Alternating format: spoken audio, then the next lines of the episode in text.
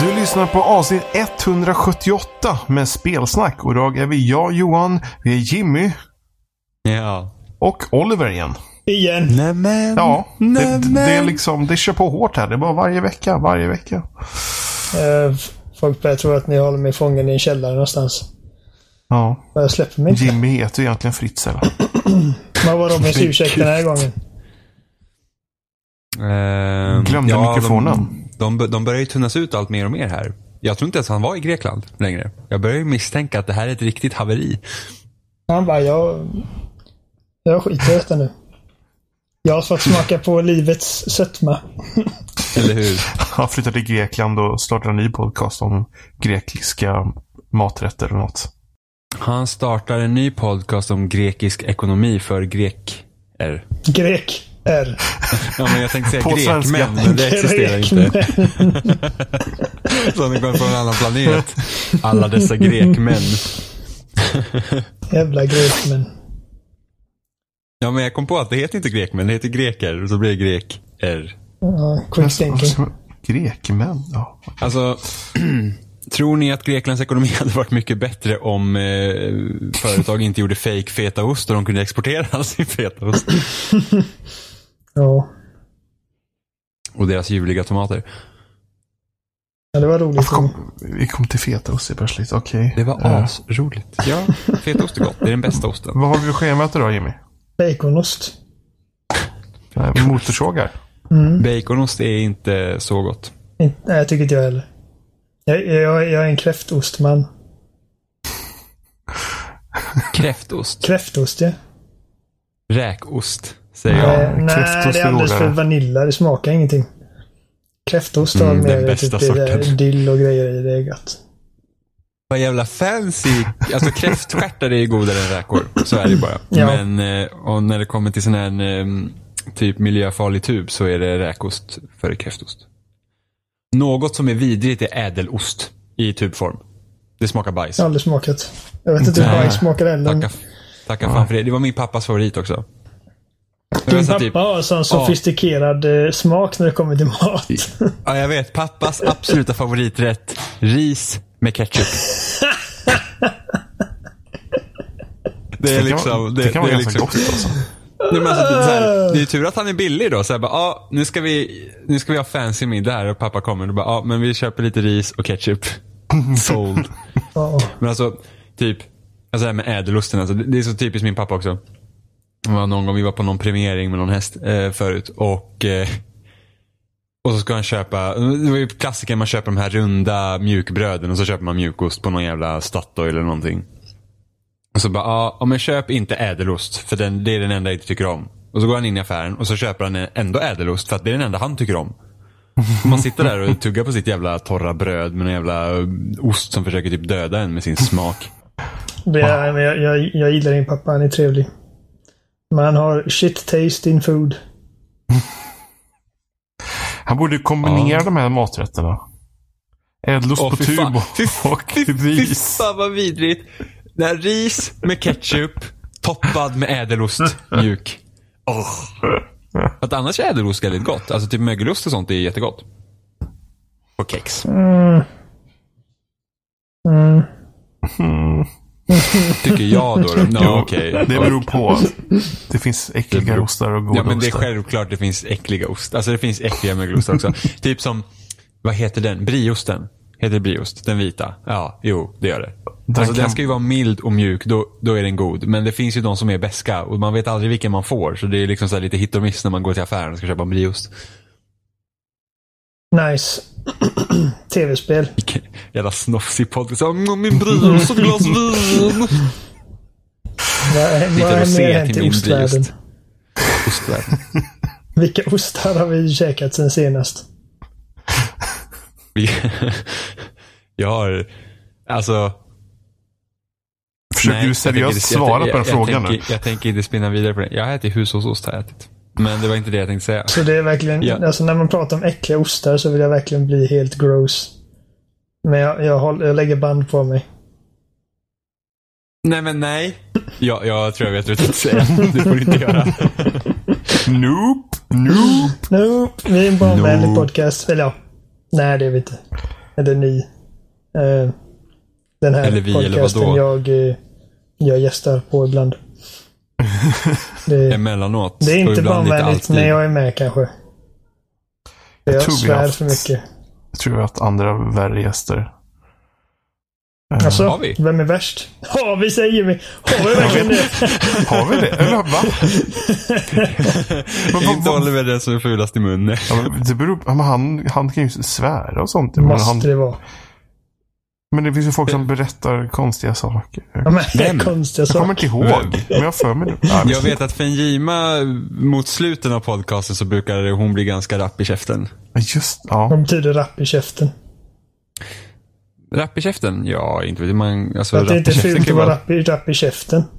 Mm, nej, men alltså man eh, börjar prata väldigt fort och kanske om sådana saker man inte ska prata om. Som, Som snusk. som snusk. Ja, alltid i slutet också. Det spårar alltid i slutet. Nu är frågan här, vad, vad, är, vad är er definition av snusk? Ja, men, Snackar vi typ sådär fellatio mellan eh, typ din pappa och, och Vad händer Johans moster? Eller snackar vi typ eh, flänsost på mackan? Eller snackar vi... Där kom det. Och så nöjd! Och så nöjd! Nej men alltså det är så här, Oliver. Utan tvekan så är du absolut värst. För att jag känner Att dig du vet, personligen. ja precis. Ja, precis. Det här är så, så att du, ingenting. behöver inte, du behöver inte vara orolig. Men när var det senast du eh, Nej. eh, gick ut med hunden? När jag gick ut med hunden. Mm. För typ en timme sedan. Du vill aldrig svara på det annars. Men faktum är att gå ut med hunden Oliver. Jag vet ju vad du menar Men du vet nu. vad jag menar. Jag vet precis vad du menar. Men jag svarade faktiskt på den riktiga frågan du faktiskt ställde. Jag känner, Inte den uh, underbetonade frågan som du nyss Det är ställde. nog bäst att host Johan tar oss vidare innan jag går helt Oliver. Eh, Efter vi släppte vårt förra avsnitt så har eh, eh, Metal Gear fyllt 30 år. Eh, Ja, Sen då- må han leva. sen då det första spelet släpptes på MSX2 eh, Ja, det har jag inte spelat. i Japan. Jag är en sån här riktig noob så att jag, jag, jag har ju bara spelat från Metal Gear Solid och framåt. Jag tror jag startat eh, den utgången. För jag tror det, den är väl med i Den följde med på HD-samlingen. HD Collection. Mm, Ja, jo, jag, jag har ju testat den men jag har aldrig spelat. Men jag tror, inte jag, jag tror inte jag kört med typ en, en skärm i spelet eller någonting sånt där. Ehm, Fram tills Mm. eh, typ 2008 var väl när 4 släpptes. Runt, runt fram tills när Metal Gear Solid 4 släpptes trodde jag att originalet var på eh, NES. Men det är det inte. är det ens en, en, är den versionen lik MSX? Alltså, den har likheter men det är inte samma spel om man säger det. Nej. Jag tror inte Hideo Kojima hade något med den porten att göra. Eller vad man ens ska, kan man ens kalla det för port? Redan då gjorde Konami konstiga saker. Mm. Sedan dess har det gått ut. Eh, 30 år, alltså jag, eh, skitkul. Jag älskar Metal Gear Solid. Eh, verkligen, det är en av mina absoluta favoritserier och jag... Eh, ah, nu börjar jag tänka på femman och blir ledsen. Ta över någon. Innan jag börjar Ehm, gråta. Jag tycker det är rätt så fascinerande ändå att han arbetar ändå med samma spelserie i så många år. Mm. Han hade väl några avstickare. Han körde de här, vad hette de spelen? Man körde de här stora mech-robotarna och grejer. Eh, Så där hade han, hade ju lite avstickare. Men ändå att han an- arbetade med nästan samma spelserie i så många år som han gjorde är ganska fascinerande.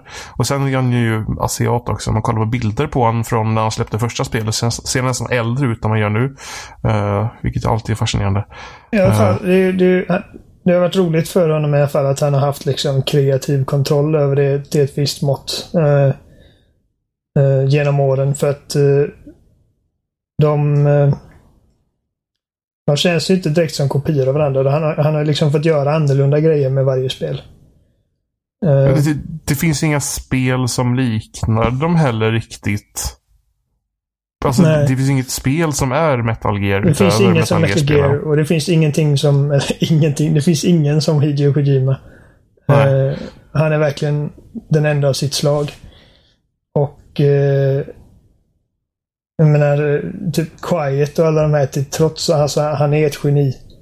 Eh, och... Eh, gud vad, vad jag är nyfiken på Death Stranding. Verkligen. Uh, men... uh, skitsamma, Metal Gear Solid. Alltså, eh, jag känner att två, ettan och tvåan är ju de som kanske är mest lika varandra. Om man säger på ett liksom uh, på ett spelplan. Men där hade de verkligen Fan vilken cool grej ändå. Liksom att all, alla trailers och allt liksom förhandsvisningsmaterial och grejer var med Snake på den här tankern.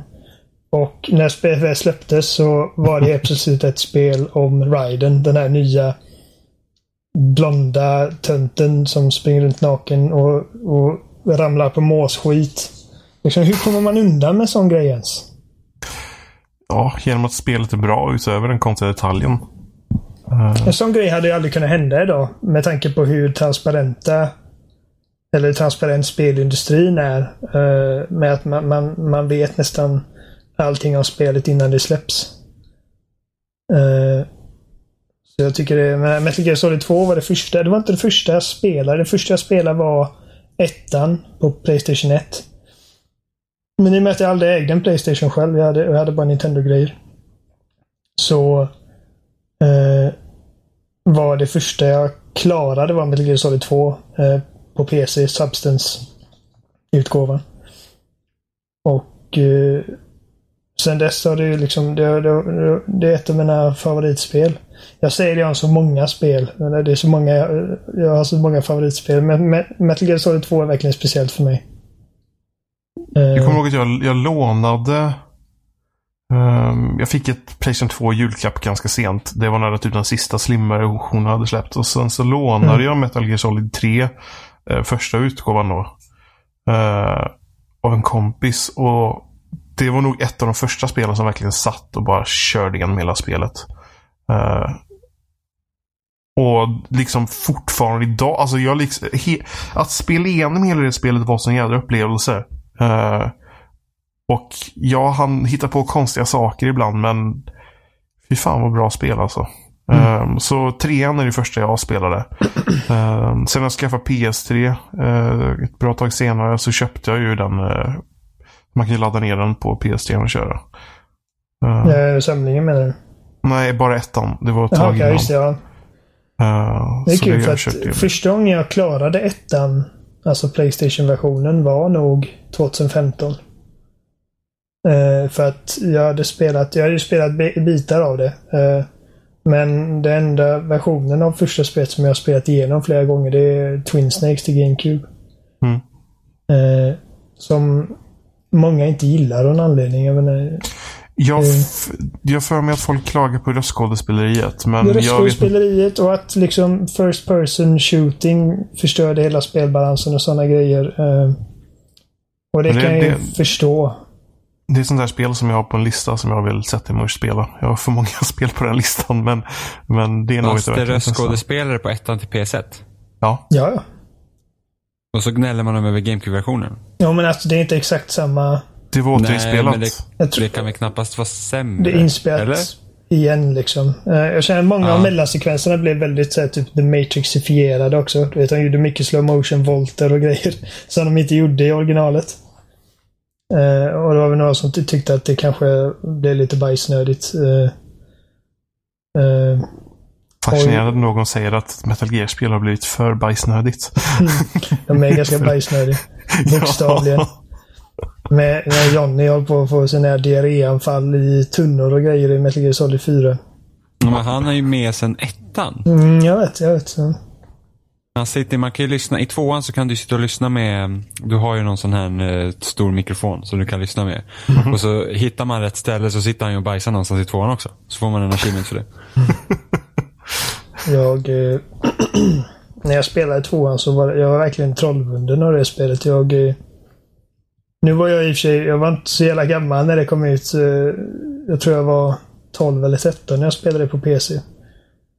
Eh, och, så jag förstod ju inte referenserna till det första spelet. För att hela spelet, alltså hela handlingen är i princip en, ett återberättande av första spelets händelser. Eh, med små variationer och grejer. Men liksom bit för bit är det liksom, det är i princip samma grej. Fram till slutet då allting uppdagas så blir det helt galet. Eh, men även då liksom, eh, även om jag inte förstod allting och även om eh, mycket av storyn var svår att hänga med i, särskilt mot slutet som sagt. Så eh, jag kunde inte slita mig. Jag älskar verkligen att spela om och om och om igen. Eh, jag älskar mellansekvenserna i Metal Gear Solid-spelen. De är töntiga och röstskådespelet är inte alltid jättebra och det är liksom högtravande, kanske till och med lite pretentiöst emellanåt men det är, bara, det är bara någonting med det som inte påminner om någonting annat. Men jag gillar också, speciellt nu när jag senare när jag har spelat ettan och lite på tvåan och sen så spelar jag trean igen på HD-versionen. Mm. Uh, och hur liksom, det är liksom att Ja, de här karaktärerna och nu är det precis, nu är den här karaktären när han är ung och, och sen när man spelar femman så blir det när han är lite äldre, typ Oslot till exempel då. Mm. Uh, och så att just med karaktärer och all sjuk jädra liksom story bakom allting och allt. Alltså, allt är knäppt och överdrivet men det är fortfarande spännande ändå. Eh, på något mm. konstigt sätt. Ja, det är grymt överdrivet. Och en grej som jag alltid älskat med Metal Gear Solid. Um, Hideo Kojima har ju inte varit oärlig om att han alltid velat göra film. Alltså när han, innan han började göra uh, spel så var ju liksom film är hans stora passion. Egentligen. Jag tror att det är hans största passion i livet. Och det, det syns ju allt sånt där liksom. Kärleken till film, liksom, det blöder ju över till vad han har gjort. Och man märker det hur tydligt som helst med alla referenser och allting. Eh, och hur Snake och, eh, vad heter han, i, i trean? En, eh, befälhavaren. Ja, eh, ja. Zero heter han sen, men jag ja, vet inte om man kallas det i trean. Men ni vet vad jag menar. När de har liksom ja. typ tio minuter lång dialog om varför Zero älskar James Bond-filmerna. uh, Så det, är liksom, det är väldigt filmiska spel. Det finns väldigt långa mellansekvenser. Jag tror att de sista mellansekvenserna i Metal Gear Solid 4 är väl typ 40 minuter långa. Jag brukar alltid åka iväg och köpa popcorn innan jag spelar det. Uh, men, måste, alltså också spel måste spela. Ja, men samtidigt så glömmer man inte av att han gör spel. Det är väldigt speliga spel. Alltså, uh, till och med liksom i dialogen pratar de om press the action button och grejer. Liksom, de, de är väldigt tydliga med att det, det är spel det handlar om och eh, alla gånger de bryter den fjärde väggen och eh, bryter, de, de, de river den fjärde väggen. Eh, och eh, jag bara, jag, bara, jag bara älskar det med dem. Liksom att det, de försöker inte göra det till, till mindre av ett spel bara för att liksom Hideo Kojima är en sån filmbuff. Men jag tror nästan det mest intressanta han egentligen gör är att han, han använder ju eh, spelmediets egna egenskaper för att eh, göra någonting med spelet. Som, som i eh, som Metal Gear Solid Twin Snakes där man ska byta minneskort eller kontroll. Eller liksom när Psycho Mantis har ett minneskort. Eh, eller när man måste byta kontrollen för att han inte kan läsa av liksom, mm. första spelaren. Eh, det är ju ett sätt att använda, för det kan du inte göra någon annanstans. Nej. Eh, så det är ett sätt att använda mediets egenskaper för att, att göra någonting unikt av det hela. Eh, och så, så det, det är han ju ändå ganska ensam om att göra mm. på det sättet han gör det. För han bakar ju in det på ett sätt i upplevelsen. Mm. Istället för att vara övertydlig med det. Även om det också finns där, det är det här klassiska med att ja, men tryck på actionknappen. Men det är, det är ganska vanligt japanskt.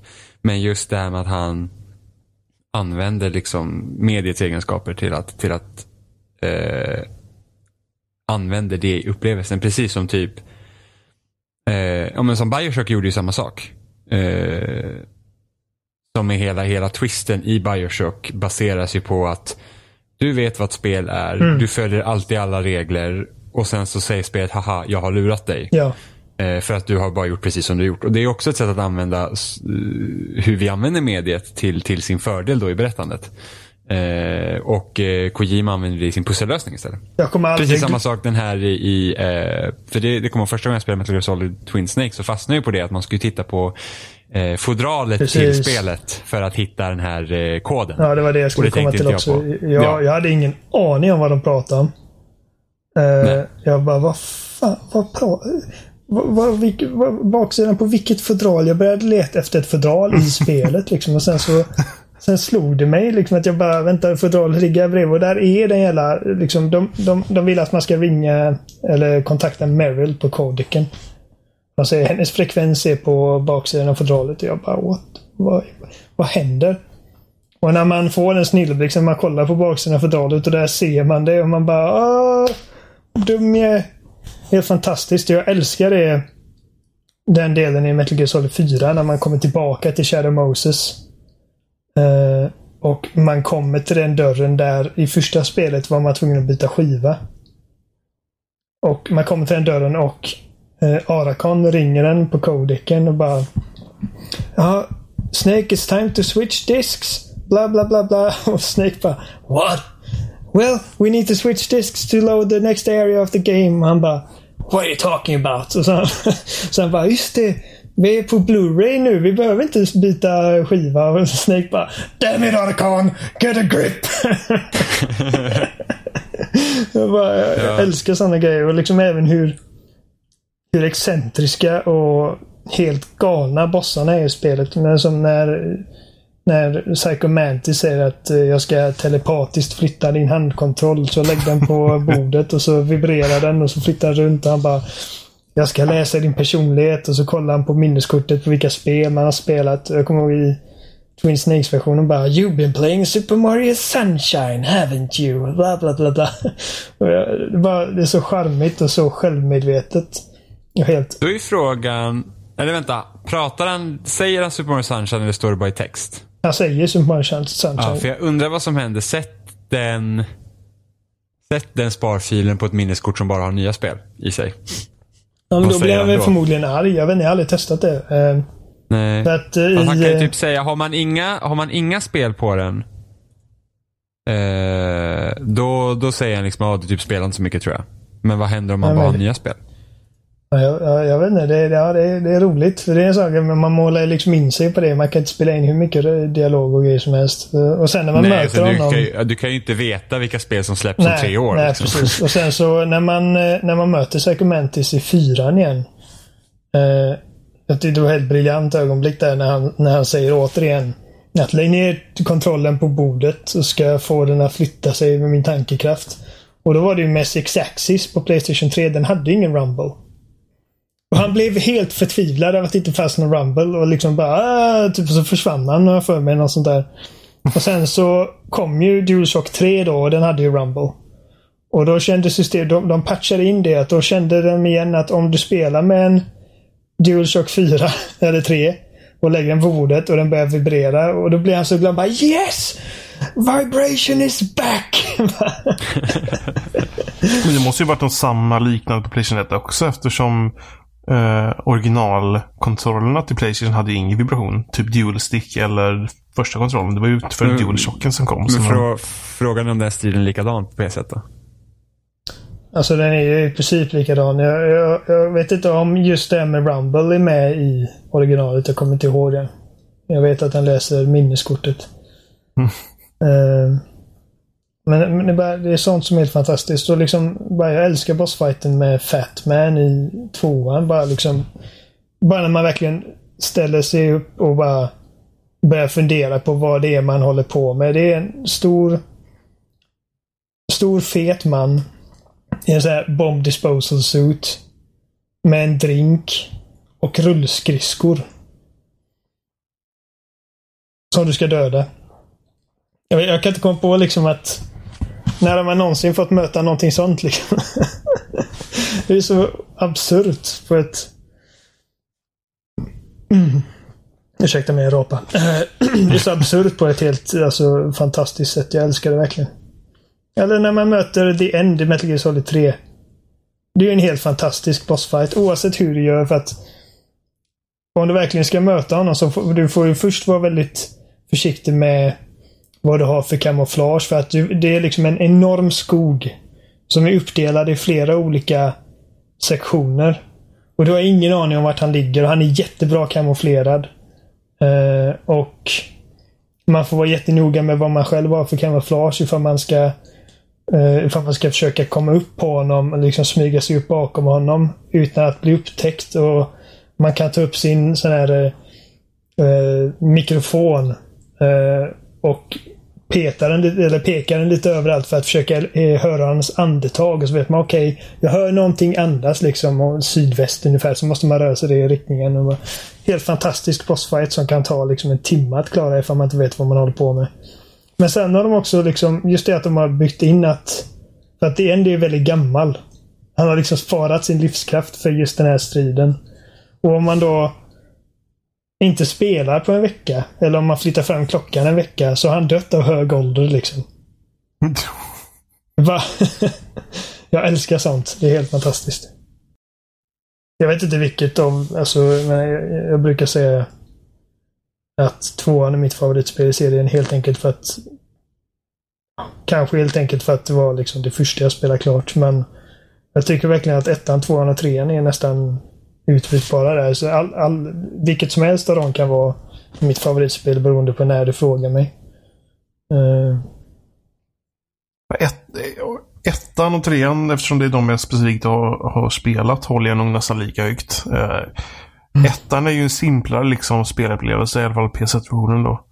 Uh, vilket blir liksom charmen uh, med det också. Uh, men trean är ju allt med all mer story så blir det allting, det blir helt absurt allting och det, det gillar jag också. Mm. så jag håller dem lika högt också faktiskt. Jag spelade ju alla spel på rad en sommar.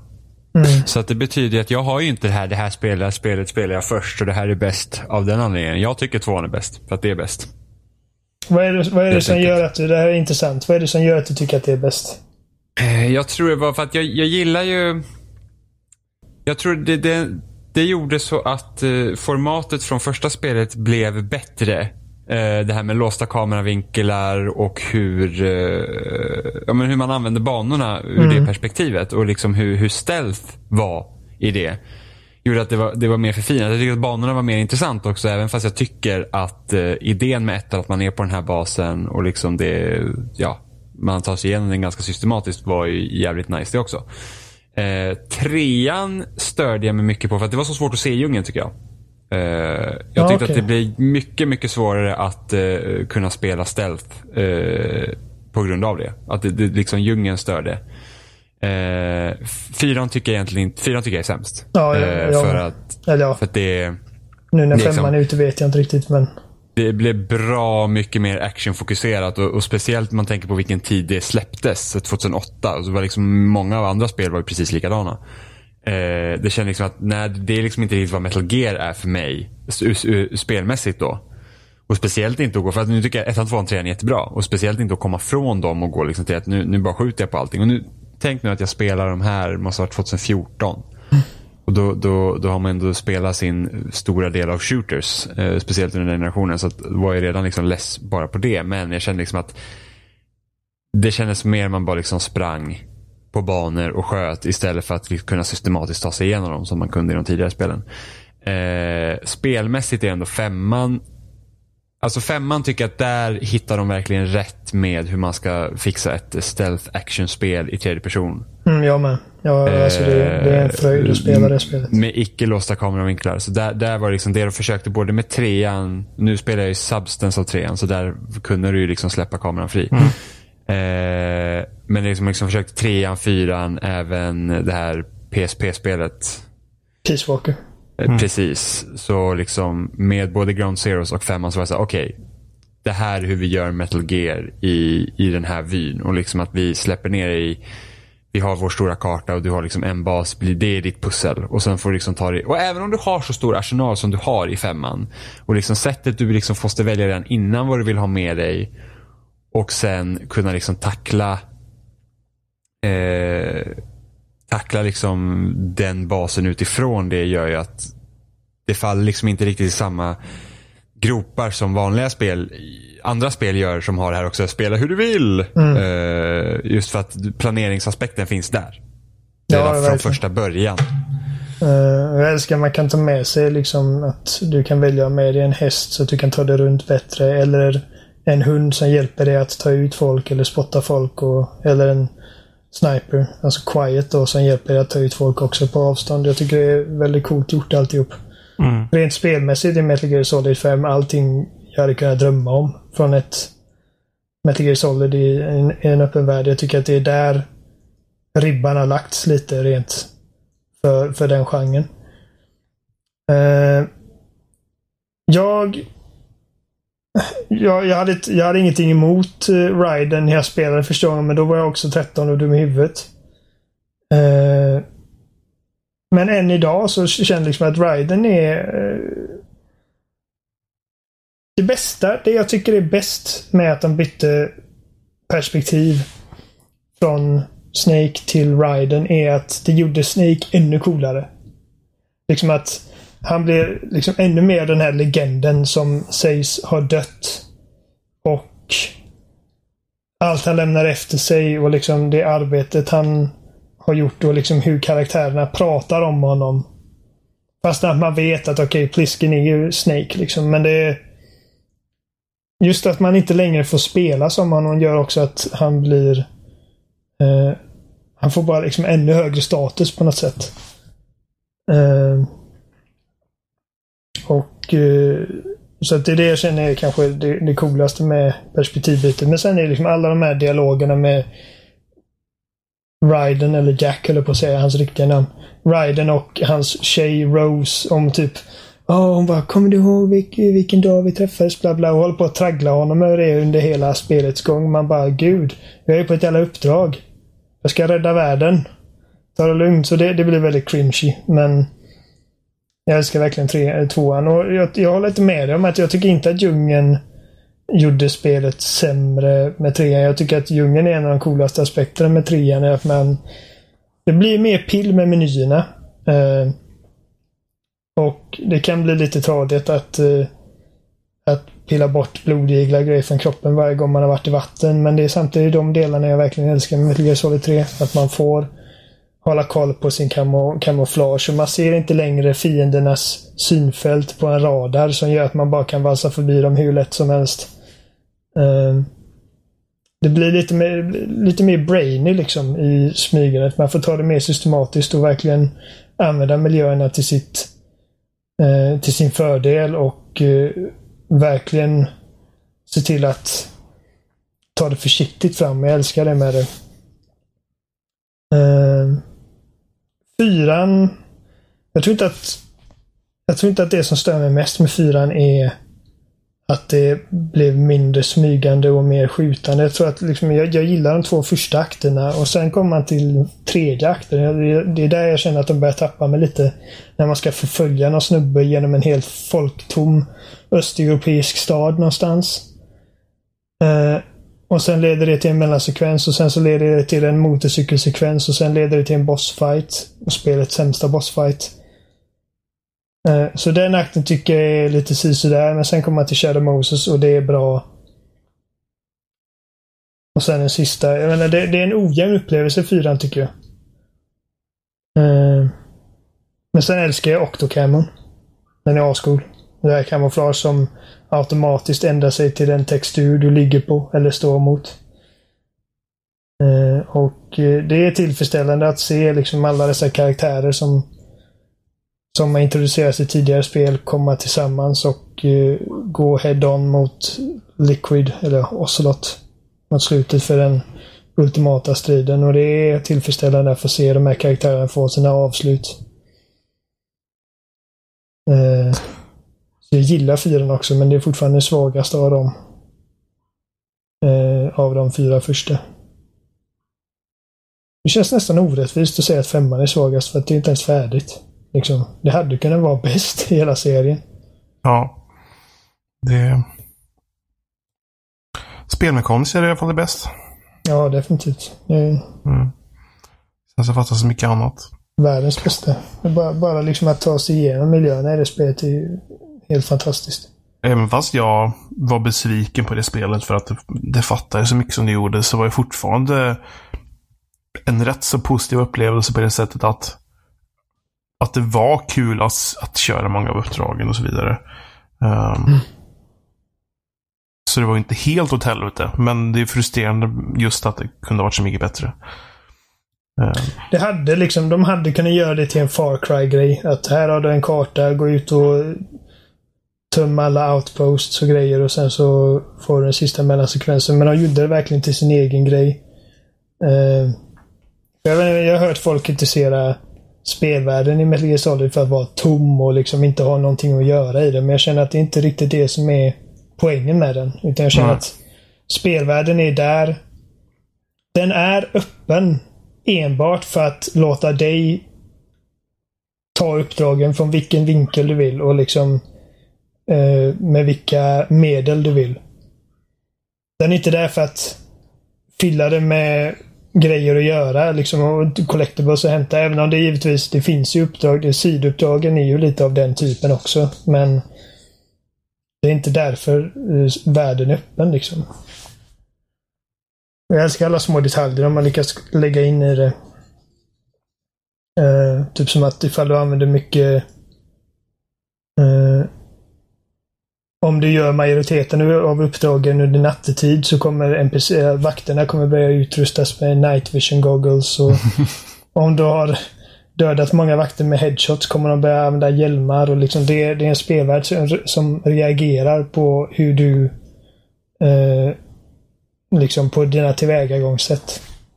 Väldigt ambitiöst spel.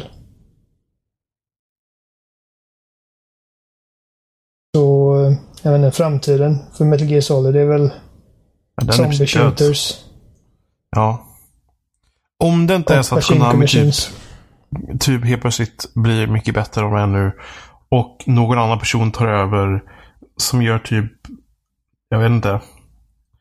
De gör typ en, eh, en eh, Star Wars Force Awaken av det. Liksom, att det är någon som gillar spelen och tar över och gör något liknande och det gör helt okej. Men frågan är varför kan inte personen lika gärna göra ett eget spel? Och, jag vet inte. Men det, det är väl inte omöjligt att någon gång händer någonting. Men... Nej, nej. Absolut inte. Ja. Alltså, Konami har inte sagt någonting om att de ska lägga ner allting. Men det, det känns lite som att det är det hållet de rör sig mot. Eh, för jag känner med efter, efter hela det här debaclet med Hideo Kojimas uh, uppsägning och grejer. Så kände jag att ja, men jag, jag tycker ge dem liksom jag ger dem en chans att liksom överbevisa mig. Jag, jag vill ge dem chansen att bevisa att Metal Gear Solid inte står och faller med Hideo Kojima. Att de att serien har en framtid mm. hos Konami. Och med liksom unga, passionerade eh, utvecklare helt enkelt. Eh, mm. För att liksom göra någonting nytt med det. Och liksom Så var det en av första sakerna vis, En av första sakerna att visa efter det var väl Metal Gear Solid 3 Pachinko. Ja. eh, och redan där kände jag bara, mm, okej, okay, gå rätt på the feels liksom. Verkligen antasta mig. sen eh, kom Sen Metal Gear Solid Survive, eller Metal Gear Survive, jag kommer inte ihåg vad det heter ens. Uh, och då kände jag bara okej, okay, ja, men det här är deras statement liksom. Det här är vad de kommer göra med det. Uh, så jag har inga förhoppningar. Men alltså om de, om de gör ett Metal Gear Solid 6 med ett nytt team. Uh, och det faktiskt ser ut att göra serien rättvisa då. Då är det ju skitbra. Men det, jag, jag håller inget hopp om man säger så. Men vad skulle du vilja ha av ett Metal Gear Solid 6 och vad skulle det handla om? Ja, det är ju det. Det, det känns som att i mångt och mycket är ju liksom den cirkeln sluten nästan. För att jag känner att det enda serien hade behövt var liksom att verkligen sätta ett punkt på femman. Liksom att, att göra färdigt den berättelsen. Och det gjorde de inte. Och att göra ett nytt spel som fungerar som avslutning på Metal Gear Solid 5 känns nästan meningslös. Ja, alltså det som... Ja. Liquid Snake, jag vet inte. Ja, just det. Hela den grejen med Eli. Eh. Det känns ju som att det skulle bli en stor grej, men det, det blev det ju inte. Ja, för att det var ju den delen av spelet som försvann. Det skulle ju vara en hel ö. Eh, så en helt ny bana. Mm. Och där skulle det vara typ eh, sista delen av spelet. Och där var det massa story om honom och lite sådär. Det Um, värsta med det nästan är ju liksom att det finns, alltså det finns ju två akter i spelet. Eh, och den andra akten är ju nästan, nästan bara återupprepningar, återupprepningar av gamla uppdrag med nya regler. Jag spelade aldrig dem. Ja, okej, för det riktiga slutet får du ju ifall du, klar, ifall du gör klart akt två också. Ja, jo, jag fick ju det. Men, men det, man behövde inte spela de uppdragen. För att få fram det. Vilket var jättekonstigt. Jaha, gjorde jag. Nej, jag gjorde typ annat istället. Körde om andra uppdrag, gör dem lite bättre så här. Sen så dök det sista upp. Eh, Då, allt, då, man, då, man, då början av spelet spelades igen och hela det här böset. Ja, precis. Man får reda på vad, vad som har hänt. Så man var man inte tvungen att spela dem. Jag, för jag, jag bara liksom, nope, jag vill inte spela dem här igen. Nej, nej, och så visade jag att man inte behövde det. Skitkonstigt. Eh, vissa av de här grejerna var rätt kul faktiskt. Det var liksom att man fick göra något av de tidigare uppdragen fast du får inte ha någon utrustning när du landar utan du, allting du får får du hitta själv. Och det, det var ju en kul utmaning. Ja, men det, hade, de- alltså, det hade varit jättekul ja, om det fanns ett riktigt, spel, ett riktigt slut på spelet. Och Mm. att de sakerna kom typ varje gång du har gjort klart ett uppdrag. Ja, Sen kunde du spela om det med de reglerna. Ehm, men ja, verkligen bara utfyllnad för att få det att kännas Ja. mer komplett liksom. Men det... Met Metal Gear Survive ska det heta. Så det heter inte ens. Metal Gear Solid Survive. Det heter. Metal Gear Survive. Just det.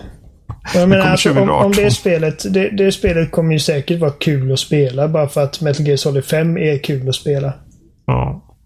Men jag känner inte att det, det räcker inte riktigt. Jag, Det är inte säkert att det kommer släppas heller. jo, men det tror jag det, tror jag det gör. Eh, det tror jag det gör. Eh, och... eh, jo, jo, men det kommer släppas. Och det, jag vet inte, alltså en fyra player co-op shooter man skjuter ihjäl zombies. Liksom. Jag tror att de har återanvänt hela spelvärlden i Metal Gear Solid 5 också. Så det känns redan lastgammalt när det har släppts. Ja. Ja, nej. Vi får... Eh, vi får vara glada för vad vi har, vad vi fått. Och gratulera eh, Metal Gear Solid som serie på 30-årsdagen och önska Hideo Kojima all lycka i framtiden och hoppas att Death Stranding blir ett mästerverk. Vi får se. Ja, det ska bli intressant att se vad det blir för någonting överhuvudtaget. Uh, Ja, det är väldigt spännande för att det... har vi fått någon tid på när det typ ska släppas? Eller som man Nej. tror att man kommer få mer överhuvudtaget? De har ändå sagt att det är på Playstation 4, men jag tror att det, det, det kom, Jag vet inte. Det känns som att det... Jag har svårt att se att det skulle komma före 2020. När Eh, tror vi att nästa konsolerna kommer då? 20, 2019? Tror du verkligen det? Känns det som att det liksom redan börjar bli dags att krypa till korset för den här generationen?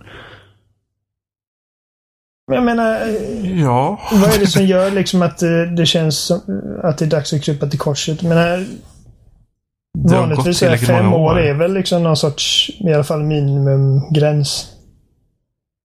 Och 2018 har det gått fem år. Jo, men då ska vi redan ha nya konsoler nästa höst exempelvis. Jo, Liksom- men nu, nu, Nej, nej det, kommer ju, det kommer ju förmodligen inte ske. Men liksom det... Känns det... Alltså, jag, känns tror- det jag tror rim, inte alltså, 2018. Utan jag tror att... Nej, nej. Jag tror 2019. Men tror ni verkligen... Alltså, på riktigt 2019? Ja, för jag tror att det här, de här nya konsolerna, liksom Boost, alltså PS4 Pro och uh, uh, vad heter det nu då? Place, One, One X, X. heter det väl. Inte kommer boosta mer än något år. Um, ja, frågan är, alltså Playstation, ja de kommer att snart få på väg med något nytt. Uh, för PS4 Pro var inte så stort hopp som, uh, som många tror överhuvudtaget. eh, Um, Den har ju varit ute snart ett år också. Ja. Um, så jag, jag tror helt klart 2019. Nästa år, nej. För det, då, då blir det för nära, eh, tror jag. Men eh, 2019 tror jag. Helt klart. Jag tror att 2020... 2020 är rimligt. Jag menar, PS3 och Xbox 360 höll i sju år. Eller ja, PS3 höll inte riktigt i sju år. Men de höll i alla fall längre än vad de skulle och där hade man inga mellan mid-generation leaps som vi har nu heller. Så att jag tror inte att de kommer ha en mycket kortare generation den här generationen. Men alltså, jag kan se 19 hända. Det, det är inte helt omöjligt. Jag kan se 20 hända. Det skulle bli för att Xbox One X har ju kapaciteten för att kunna vara en ny generations konsol. Eh, men den är ju inte det för att den hålls tillbaka på Xbox One. Så då är frågan, om vi nu säger att om vi säger att PS5 kommer före Microsoft tänker på sin nästa konsol. Då. Vi säger att PS5 släpps typ ett år före eller något sånt. Kom, hur kom, alltså, det är hur, hur, vad kommer vara i den maskinen? Jag kan ingenting om alltså, specifikationer och grejer. Alltså, frågan är hur, hur stark kommer, alltså hur, hur det skulle ju vara jättemärkligt att säga något starkare än One X. Och då har vi två konsoler som är likvärdiga. Bara att den ena kan inte vara starkare på grund av att den dras med någon gammal jävla släp liksom. Alltså, jag, jag tror att det verkar ju som på, på Sony att de vill i alla fall va, hålla kvar på att, att komma med, med, med ett PS5. Det känns det som i alla fall. Uh, och de tror jag inte kommer kunna vänta så mycket längre. Så de kommer, om, om den kommer 2019, 2020, någonstans i den svängen. Så är ju frågan då i så fall vad ska Microsoft göra? För att jag är fortfarande inte övertygad om att de kommer att komma med liksom ett eh, att, att fortsätta på liksom generations, vanliga generationsskiften. Jag tror att Microsoft några är de som kommer liksom övergå till något helt annat tänk. Eh, med hur ofta de släpper och hur de släpper och hur de uppgraderar eh, konsolerna och så vidare. Eh, så jag... Sony känns liksom klockrent jag... att det blir något nytt. Men, eller bara en ny konsol. Men Microsoft har ingen aning vad de kommer göra verkligen. Eh, innan de visade upp One X nu på E3 så, så hoppades ju vi, det har vi pratat om flera gånger, att vi hoppades, jag i alla fall hoppades på att det skulle liksom, ja, nu kör vi Xbox och sen så här kommer vi kommer uppgradera hårdvara med jämna mellanrum, men nu spelar ni på Xbox. Mm, jag med. Jag tror ju inte att det kommer hända längre. Nej, inte väl. Jag tror ju att Microsoft kommer att släppa en ny Xbox. De droppar One, namnet såklart. Och så döper de sin Xbox, vad de nu ska döpa den till, Xbox någonting.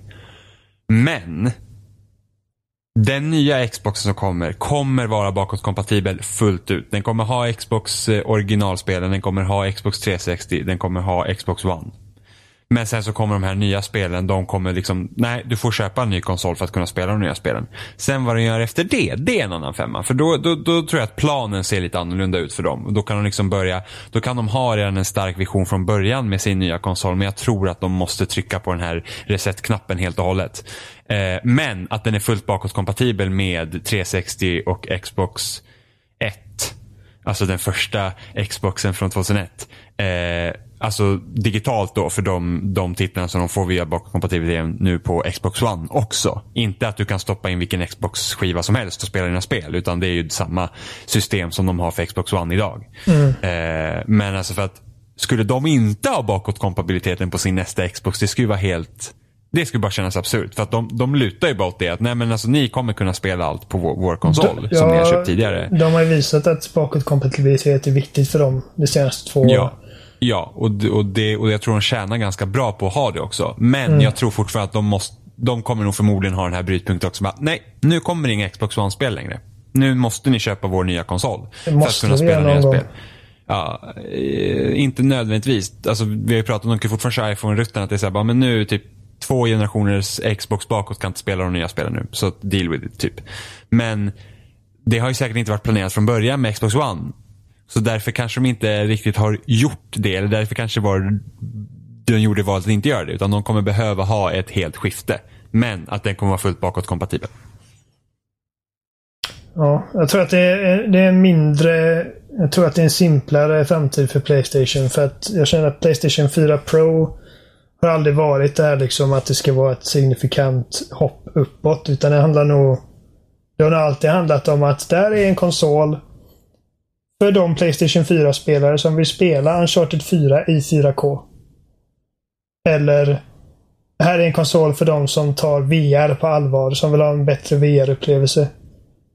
Eh, Och att det inte har varit mycket konstigare än så. Så de har ju sagt det länge och jag tror att jag tror att de talar sanning när de säger att Playstation 4 Pro ändrar inte våra planer för nästa Playstation. Um, det är lite svårare att sia i Xbox-fallet.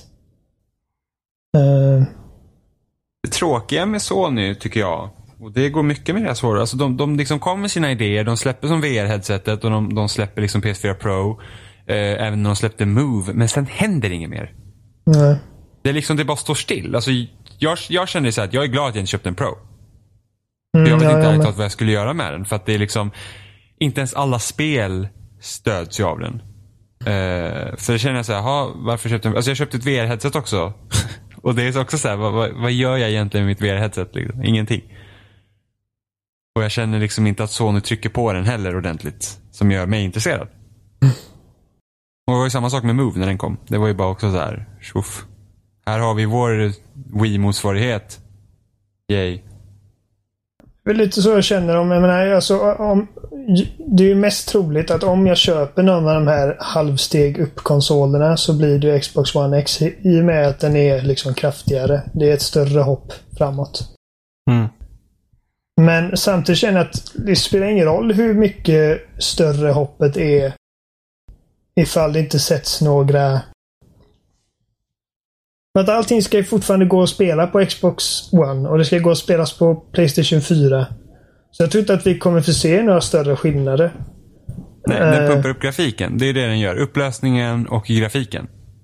Så det är bara om du vill ha ett snyggare spel. Alltså spelmässigt så kan du inte göra det. Alltså, den drar ju inte nytta av kraften till att kunna faktiskt förändra spelet. Nej, och... Att då kan eh, du inte spela på Xbox One. Nej, precis. Och eh, jag... jag eh, bara en sån sak som att om de hade sagt liksom att allting vi gör eh, kommer köras i 60 bilder sekunden på Xbox One X. Det hade betytt mycket för att det påverkar spelet på ett annat plan än bara det ser lite bättre ut. Eh, men det har de inte ens... De har inte sagt ett knyst om bilduppdatering. Eh, Nej, inte mer än att utvecklarna får välja själva. ja, men det säger ju ingenting liksom. Nej. Eh, Nej. För att... Jag vet inte, varför bemöda sig liksom? Jag menar, Ja, alltså ja. Xbox One X, eh, det, för det första så kommer det liksom när det kommer till ett multiplayer-spel. Om man vill... Jag tror att i Destiny-fallet handlar det nog mycket om att eh, i och med att de är så djupt förankrade med Sony just nu, liksom att de kan inte göra någonting som är mycket bättre på Xbox-fallet. Det, det tror jag har någonting med saken att göra i Destiny-fallet. Eh, men sen om vi tar typ nästa Halo. Som, är, som bara kommer på Xbox. Kommer de göra som så att eh, Xbox One X får 60 och Xbox One får 30? Men, Jag kan tänka mig att kampanjen kan köra så. Jo, för att för tänka mig. multiplayer, liksom att eh, Xbox One X-spelare kommer fortfarande spela med Xbox One-spelare. Man kan inte Jo, dela men- upp det på så sätt. Och, Nej, men där antar jag att de får nog till multiplayer 60 på båda. ja, men det, det måste de ju. Ja. Så varför ska jag köpa en Xbox One X? Du vill spela kampanjen i 4K och 60 FPS. Ja, Men det är rätt så kul hur samtalet ändras också för jag ser också folk eh, som är med i Xbox-grupp på Facebook. Och under hela tiden när PS4 har varit starkare så har det varit så här, ah, vem bryr sig om upplösning, vem bryr sig om bildhastighet, bla bla bla bla bla, du vet. och nu när Xbox One X är så stark, nu är det hela tiden så bara, åh, den bästa upplösningen, bästa bilduppdateringen. Och man bara, men Jesus Christ vad tråkigt. men det är klart. Eh, Xboxen behöver fortfarande spel. Så enkelt är det. Ja. De behöver ha, sin, de behöver ha bättre exklusiva titlar som faktiskt gör något intressant. Ja, jag tycker Microsoft har varit oerhört svaga den här generationen. Väldigt klena. Väldigt klena. Alltså det kommer ju bra spel va? Liksom, men alltså när jag tänker så här, ah, vad är det bästa eh, vad är det bästa nya spelet från Microsoft som de har släppt den här generationen? Och det, det första jag tänker på är typ Sunset Overdrive. Som är liksom större produktion. Ja, jag gillar inte ens det så mycket. Nej, men jag, jag, tyckte det var, jag tyckte det var jättebra. Det, var liksom, det påminner mig väldigt mycket om, om, om skate i sättet man behövde tänka och spela och liksom komma runt med olika tricks och sådär. Men det mäter ju sig ändå inte med hur jag kände typ när jag spelade Gears-trilogin första gången. Eller när jag verkligen kom in i Halo. Eller när man spelar Mass Effect. Eller Bioshock som till en början var exklusivt på, på eh, 360. Mm. Det, det är liksom inte ens samma sak. Nej, inte närheten. Det, det vi har fått är liksom... Uh, men kolla på vad vi fått. Det är typ... Jag skulle nästan säga att Forza Horizon kanske är tvåan eller trean är typ det starkaste de har och det gillar inte ens jag bilspel så mycket. Uh, jag älskar Halo och Gears, men Halo 5 har den svagaste kampanjen i hela serien. Tack, Ja, tack och, och lov för att Ge- multiplayer är typ det bästa de har gjort, men Ja, och Kampanjen Gears är- också. Gears är bara en kampanjen. rehash av gamla trötta koncept som kändes fräscha liksom 2006. Ja, och sämre. Alltså det, vi, vi spelar ju hård för någon dag sedan. Mm. Och, liksom, och, och jag är ju inte överdrivet förtjust i hård multiplayer-lägen överlag. Liksom. Men, men jag har alltid tyckt att det är helt okej i Gears. Mm. Eh, och, och Gears 4 har jättebra idéer med hård. Liksom, att man kan sätta ut sin bas vad man vill och bygga liksom, att man inte är låst att bygga det här ska byggas här och det här ska byggas här som det var i trean. Men problemet 4 har ju att fienderna är så jäkla tråkiga. Ja. Det, det är inte alls samma bredd på fiender som i trean som där i fyran. Och då är redan majoriteten av fyrans fiender är ju tråkiga. Så det, det, blir, det blir inte speciellt kul. Vi, kör, vi satt och spelade två timmar hård och liksom det var bara, ah, i brist på annat liksom. Jag, eh, jag känner att det är kampanjen som är det största problemet med Gears War 4. Alltså för, för, liksom just det att det inte känns som att det har gått en generation mellan Gears War 4 och Gears War 3. Uh, eh, det gör det faktiskt inte. Det känns exakt som Gears of War alltid har gjort i princip. Och eh, karaktärerna är bara bullshit. De är typ jättetråkiga och, och generiska och klyschiga och storyn Storyn funkar bara inte för mig. Jag tycker liksom att och just robotfiender liksom. Alltså Gears of War är ju känt för att typ slafsiga, väldigt organiska, desperata. Och här har ni en massa robotfiender som bara livlöst promenerar fram. Jag hatar det verkligen. Om man jämför då liksom Microsofts Gears of War, fjärde Gears of War med Sonys fjärde Uncharted.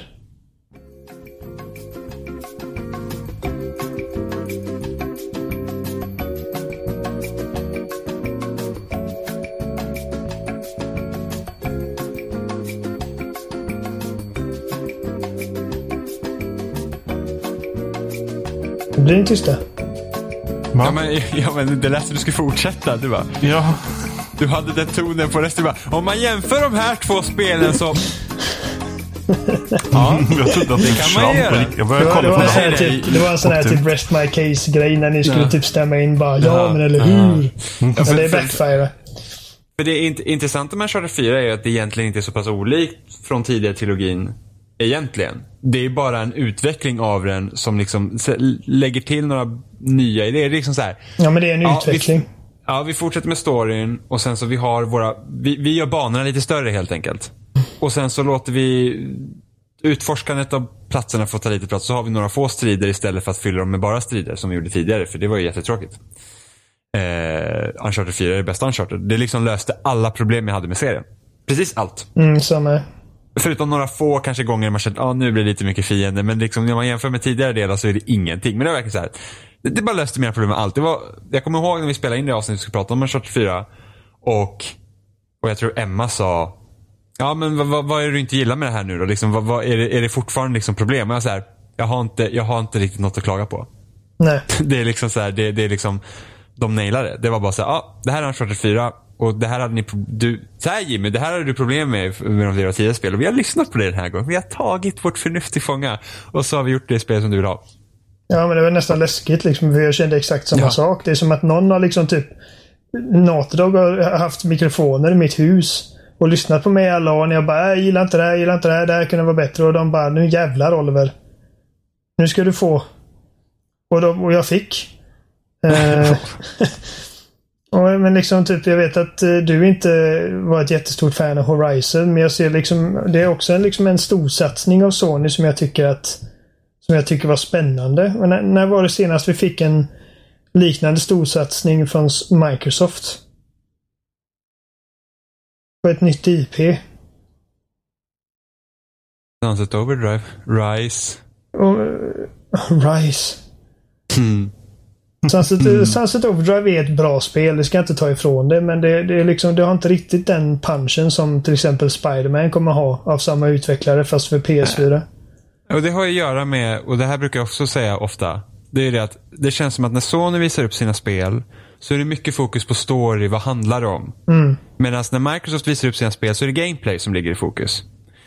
Eh, och det är inget fel. Det är såklart absolut inget fel vara, på det. Men... Eh, spelen ska ju vara roliga att spela också, men Sunset Over, tänk om det hade haft liksom en en, en gripande, eller liksom en, en story som tar tag i en. Men liksom, det behöver inte vara något så seriöst drama eftersom det är inte spelets stil.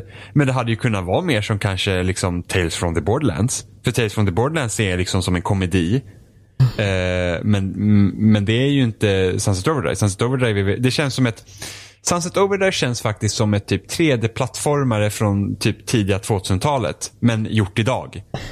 Mm. Eh, det är som Jack and Dexter och de här. Ja, men då har ändå Jack and Dexter mer story än vad Sunset Overdrive hade. Mm. Eh, men typ, jag tänker typ nästan till såhär Spire the Dragon. Känner jag lite. Eh, det är kul för det är samma utvecklare. ja, jo men precis. Så, att, så att det... Så det, det, finns liksom ingen story där. Rise hade ju en intressant story, men där var ju gameplayet helt helt bara nedskalat. För att det var från början var ett Kinect-spel. Liksom. Helt värdelöst. Eh, för, det, för det, om man tänker om de spelen som sådana visar, liksom Spiderman, och visst det är Spiderman får se gameplay också, men, men det är mycket fokus på, om vi vill berätta en historia om Peter Parker och Spiderman. Liksom att de två världarna är intressanta i sig. Och då, då, då, tänker inte jag så direkt, oh, hur ska man spela som Peter Parker? Utan då tänker jag bara, oh, hur kommer, hur kommer storyn att utveckla sig när man spelar Peter Parker och Spiderman? Liksom? Mm. Hur, hur kommer det sig? Eller Days Gone, när de liksom börjar visa det. Och det är bara, ah, men här är ditt bikergäng som du har varit med innan apokalypsen. Så att det är inte bara okända människor som har buntats ihop som i alla andra zombiespel. Och då blir också så här, wow, det är ju också rätt så intressant. Eh, och sen när de visar gameplay efter det. Eh, men det är alltid storyn först. Eller typ ta eh, Quanic Dreams eh, spel. Det är ju väldigt storyfokuserat. Och Microsoft har ju liksom inte riktigt det. Gears är ju ett sånt spel som ändå varit Alltså, det har potentialen kunna... för att bli något sånt. Ja men Gears är också ett sånt spel som skulle, alltså när de har visat upp Gears-spelen så har det varit fokus på storyn. Alltså det, det är lika gärna Sony hade kunnat visa upp det spelet. Liksom. Sättet de visar upp det på. Eh, men det är liksom, det har, alltså storyn har inte den där umfen. Samma med Halo, det finns ingen umf i storyn. Det är liksom bara blaha blaha. Eh, så att det, det, och jag tror, och gameplay är såklart viktigt, men jag tror att för att fånga intresset med en trailer så tror jag att det kan vara viktigt att det är kanske inte nödvändigtvis gameplayet som fångar dig först. För att många spel är så lika varandra. Mm. Alltså på det sättet, ja, vi har en öppen värld, här ska du gå och samla saker. Det är inte så kul att vi, Alltså tänk typ Horizon om man hade fått se typ, i och för sig nu kan man ju börja intressant med en, med en gameplay också. I och för sig. Men liksom, mycket av det som Horizon som, som drog in mig till det, varför jag ville liksom spela det, var just det att, åh, här är en apokalyptisk värld efter, liksom långt efter att civilisationen gått under så vi har börjat bygga upp en ny civilisation och människor lever i primitiva stammar. Men du har fortfarande de här högteknologiska djuren som springer runt i världen. Mm. Det är ju en intressant grej. Det var det som, som fångade en... folks intresse med Horizon. Ja. Inte att åh, nu stealth-killar vi robotraptorer. Ja, men ta eh. Far Cry till exempel. Ta Far Cry 5. Det, det, det har ju en intressant premiss som får en att vara intresserad från första början. Sen att spelet mer eller mindre kommer vara Far Cry är ju trist. Men även om jag kanske inte är så jättesugen på att spela nu på grund av att jag vet det så har jag ändå det bak, i bakhuvudet hela tiden att jo men det kan fan bli intressant om de lyckas. Mm. På grund av liksom settingen och handlingen. Folk, eh, folk blir ju inte hookade på The Last of Us med löftet om att de skulle få mörda zombies. Nej. Det var ju, det var ju liksom eh, settingen och eh, konceptet med berättelsen. Eh, jag känner bara senast jag liksom var, för medan du har pratat nu så har jag tänkt på när var det senast jag var investerad i en story i ett Microsoft-utvecklat spel. Och i det så grejer som Sunset Overdrive hamnar inte där för att det är liksom inte Microsofts egna studios. Det är liksom ett inhyrt arbete i princip. Och det är nog Halo, Halo 4. 2012. Ja. Det är fyra år sedan. Eh, snart. Tre och ett halvt. Lite över tre och ett halvt. Och... Jag vet inte. Det, alltså, det, det är det jag har sagt så många gånger när du och jag har pratat privat Jimmy. Att när, när det tillkännagavs att Microsoft har köpt upp Gears of War-licensen från Epic. Och kommer fortsätta göra Gears of War-spel. Så det jag hoppades på att de skulle göra var liksom att försöka att glömma vad de har gjort hittills. Och sätta konceptet i ett nytt perspektiv och nytt, eh, nytt sammanhang. Och eh, Men alltså, vi fick väl lite det i och med att var, vi, vi spelade inte som Marcus Phoenix längre. Vi spelade som hans son, bla bla bla. Men vi fick ändå exakt samma Gears of War som vi fortfarande känner.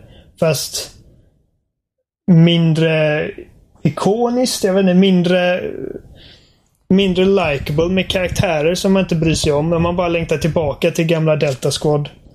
Och en story som är verkligen det är liksom så här Bolibompa action. Ja, men Eh, det kändes som att de var liksom för rädda för att testa någonting nytt. För att jag, alltså, hela den här upptrappningen innan man möter Swarm mm. kunde ha gjorts jättebra. Men det känns nästan som att robotarna slängdes in där för att nej, vi måste ha saker att skjuta på. Konstant. För det, det absolut simplaste, liksom när man tar konceptet med storyn i Gears 4 och liksom verkligen eh, kokar ner det till sin, till sin kärna så är det ju liksom... Det har gått massa tid sen eh, vi blev av med Locust-hotet. Eh, Marcus Phoenix son är nu protagonisten. Och de lever i eh, såna här eh, små kolonier och de kallar sig outsiders för att de inte vill vara med av eh, vara med i den typ eh, regeringen och bla bla bla. Och ett nytt hot uppdagar sig. Och då börjar jag tänka liksom bara, för fan, tänk liksom att man har levt i krig med underjordiska monster i generationer i princip. Och äntligen blivit av med dem bara för att, för att inse att det börjar om igen med något ännu hemskare. Och vilken känslomässig tyngd det, det kan ha.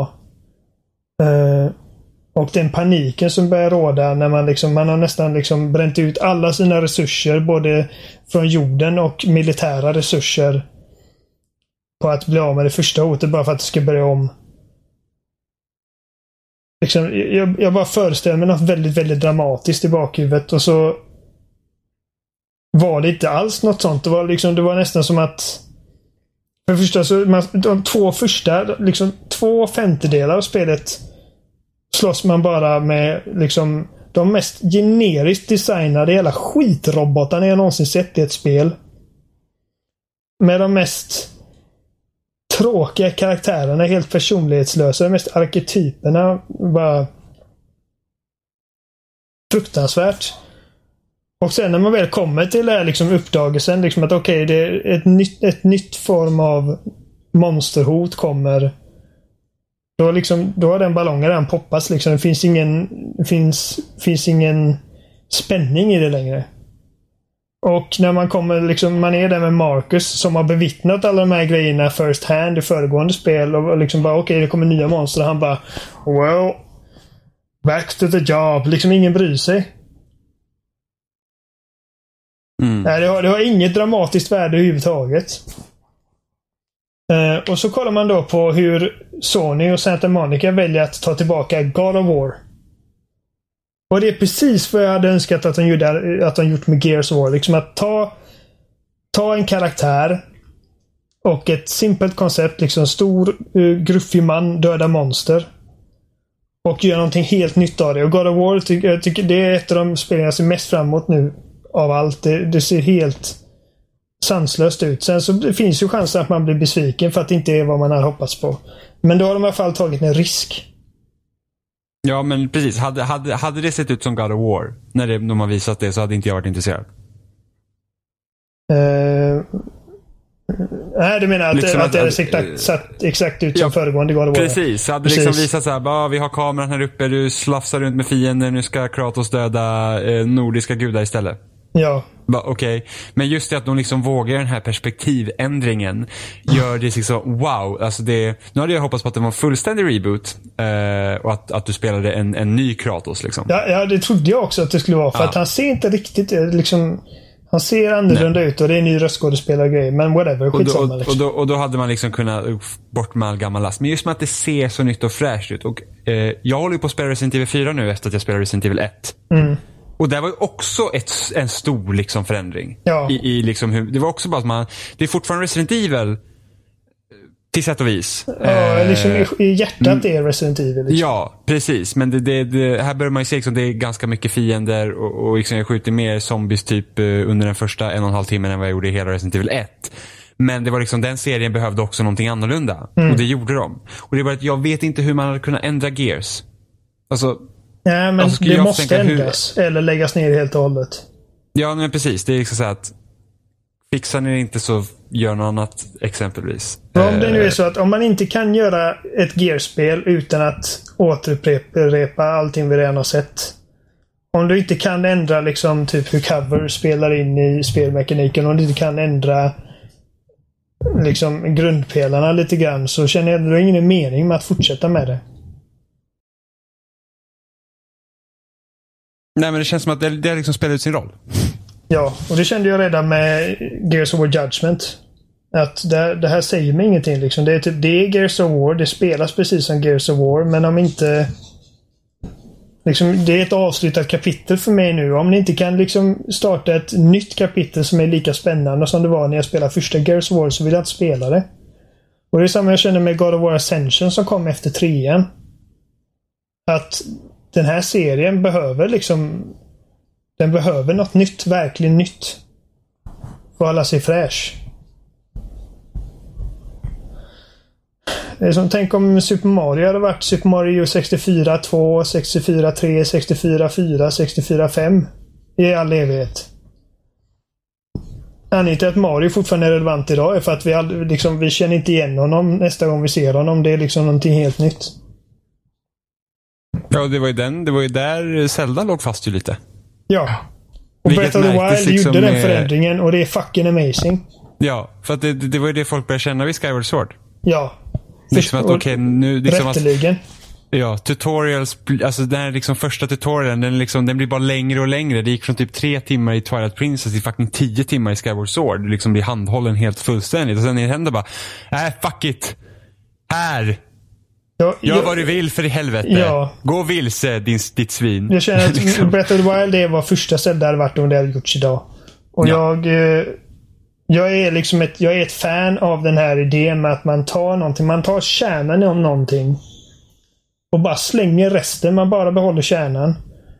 Och bygger någonting helt nytt kring det. Liksom så när jag, när jag började liksom fantisera om hur Gears of War 4 hade kunnat se ut så tänkte jag man kanske eh, istället för att spela någon sån här typ ruskig bodybuilder militär dude så kanske man kan spela typ en vanlig människa som bara råkar befinna sig i allt det här kaoset och som måste liksom överleva detta och kanske ha en familj som man måste skydda och, och inte ha tillgång till motorsågsvapen och inte ha tillgång till granater och eldkastare och grejer utan liksom man är någon gubbe i någon skog någonstans som råkar vara där när eh, de här Locust-monstren kommer upp. Och liksom där kunna bli lite mer liksom survival horror twist på det liksom. Precis som jag hoppas att om vi någonsin får se Dead Space igen så hoppas jag att de gör sig av med Necromorphs, de gör sig av med Isaac Clark och alla Marcus och skit och bara tar liksom en en vanlig människa och sätter honom på en rymdstation någonstans när någonting går helt åt helvete. Liksom. Det behöver inte vara mycket krångligare än så. Kärnan i Dead Space handlar liksom inte om Isaac Clarke eller Necromorph. Så liksom det är en ordinär människa som slängs in i en extraordinär situation och tvingas överleva fruktansvärda rymdmonster. Mm. Och eh, det är det jag känner att de gjort med God of War. Liksom att det, de ändrar hur det spelas men, men det man gör är liksom i princip samma sak. Liksom att du, du är en arg snubbe som dödar mytologiska monster men man slänger en spin på det att okej, okay, han har blivit pappa en gång till sen, sen sist han hade familj. Och jag börjar liksom tänka på hur de kan leka med det. Liksom att eh, kommer, kommer hans förflutna spela en roll? Kommer, vet människorna, eller de här varelserna i hans omgivning vad han har gjort med den grekiska mytologin? Och hur kommer folk se på honom efter det? Och hur har hans vredesmod och sättet som han förlorade sin förra familj på, hur, kom, hur har det liksom påverkat hans tillvägagångssätt till föräldraskap den här gången? Det är sånt jag tänker på, liksom sånt som kan vara intressant. Mm. Uh, just det liksom det som jag tänkte med Gears of War, liksom att, att ta... Du tar vapen och du tar monster men sätter det i en helt annan situation, i helt annat liksom och bara börja om från början. Precis som de är med Resident Evil 7 nu. Ja, men precis. Också det var ju väldigt exempel. lyckat. Skitbra spel som är liksom, du, du har... Du bara kill your darlings, bort med all skit vi någonsin har gjort. Tänk skräck i ett hus någonstans. Många av mina favoritspel nu liksom, som har släppts det senaste är liksom gamla serier som någonstans på vägen har tappat sin väg. Eller liksom gått vilse. Och nu kommer tillbaka hem. Fast i ett helt nytt utförande. Det är det jag önskar att vi får med Gears of War, men jag tror inte att det kommer hända. Nej, speciellt alla tyckte ju om Gears of War 4. Ja, jo. De flesta gör det, ja. Det var någon Ja. som sa att det var typ eh, Force Awakens fast Gears of War. Jag bara, fy fan vilket... Nej. Nej, det var väl att ge lite dålig cred till Star Wars tycker jag. ja, eller hur? Det här kommer från någon som inte tycker om Star Wars och älskar Star Wars efter Force Awakens liksom. Ja, du har blivit ett Star Wars-fan nu Ja, jag senaste. vet. Det är helt sjukt. Jag är så aspepp. Och jag, egentligen är jag mer pepp på alla trailers som kommer för att jag tycker de har gjort så jävla bra trailers. Men det är ju verkligen, alltså. De fångar mig verkligen med första Force Awakens-trailern. Mm. Det är verkligen, det var så här: wow.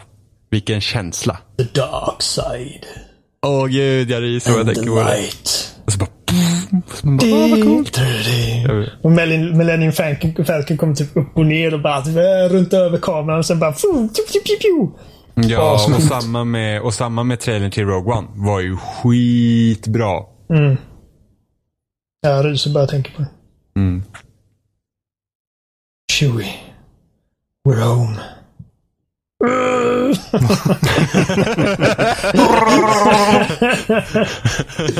Har du sett den? eh, Ja, du har sett den Jimmy. Har, har du sett den Johan? Den nya, de har gjort sån här typ behind the scenes video för Ja, The Last Jedi. sett. Fan vad peppad jag är på den filmen. Ja. va? Så in i helvete. Det kommer bli min favoritfilm någonsin. det sa jag med Metal Gear Solid 5 också. Ja. Metal Gear Solid 5 är ett annat exempel. På ett spel som de har liksom typ skalat bort allting de har gjort. Ja, en, serie som har, en serie som har förändrats flera gånger. Mm. ja. Ja, vi har rätt helt enkelt. Vi är väl klara för den här veckan tror jag. Ja, Ja. Ehm, vi, vi finns som vanligt How på... to do this. Vi finns som vanligt How på spelsnack.com. Där hittar länkar till YouTube, Facebook, RSS-flöden och iTunes där det går att följa oss helt enkelt. Um, skriv några kommentarer eh, på något av dessa ställen. Ni kan skriva recension på iTunes, ni kan skriva en kommentar på bloggen eller kommentar när vi dyker upp på loading. Eh, det är jättekul när ni skriver till oss. Ehm, ja, Ja, vi fick ju någon tweets här som hoppar på tåget på Team Tropical Freeze. ja, ja jag gillade den. Med en gång. det här är Jag hittade ingen ogilla-knapp så den fick förbli. Tropical Freeze äger. Nej. Donkey, har, vi, Kong, är- Donkey Kong är en apa som aldrig borde få hoppa igen. har vi fått någon kommentar som klagar på hur dålig Johan är på Metacritic-spelet? Nej, faktiskt inte. Nej, okej. Vi klarar oss från det. Alla andra kanske också är dåliga. Ja, man bara, alltså Jimmy är ju grym alltså. Ja. Jag eh, kunde inte ta han. Eh, Helt otroligt. Ja, nej. Ja, ja. Ja, Tropical Freeze är bra. Jag kommer inte ihåg vad du hette, du som skrev det, men eh, du, du verkar vara en bra kille. Eller tjej. Jag kommer inte ihåg ifall det var en tjej. Det känns väldigt eh, könsneutralt. Nej, det var det inte alls. Jag ljög. Eh, Andersson Thomas. Det var inte så jävla Ja, könsneutralt. okej, ja, bra kille då. Bra smak. Ja. Kul att folk skriver. Eh, det är alltid Mm. jättekul. Um, men utöver det så är det dags att säga hej då. Ja, hej då.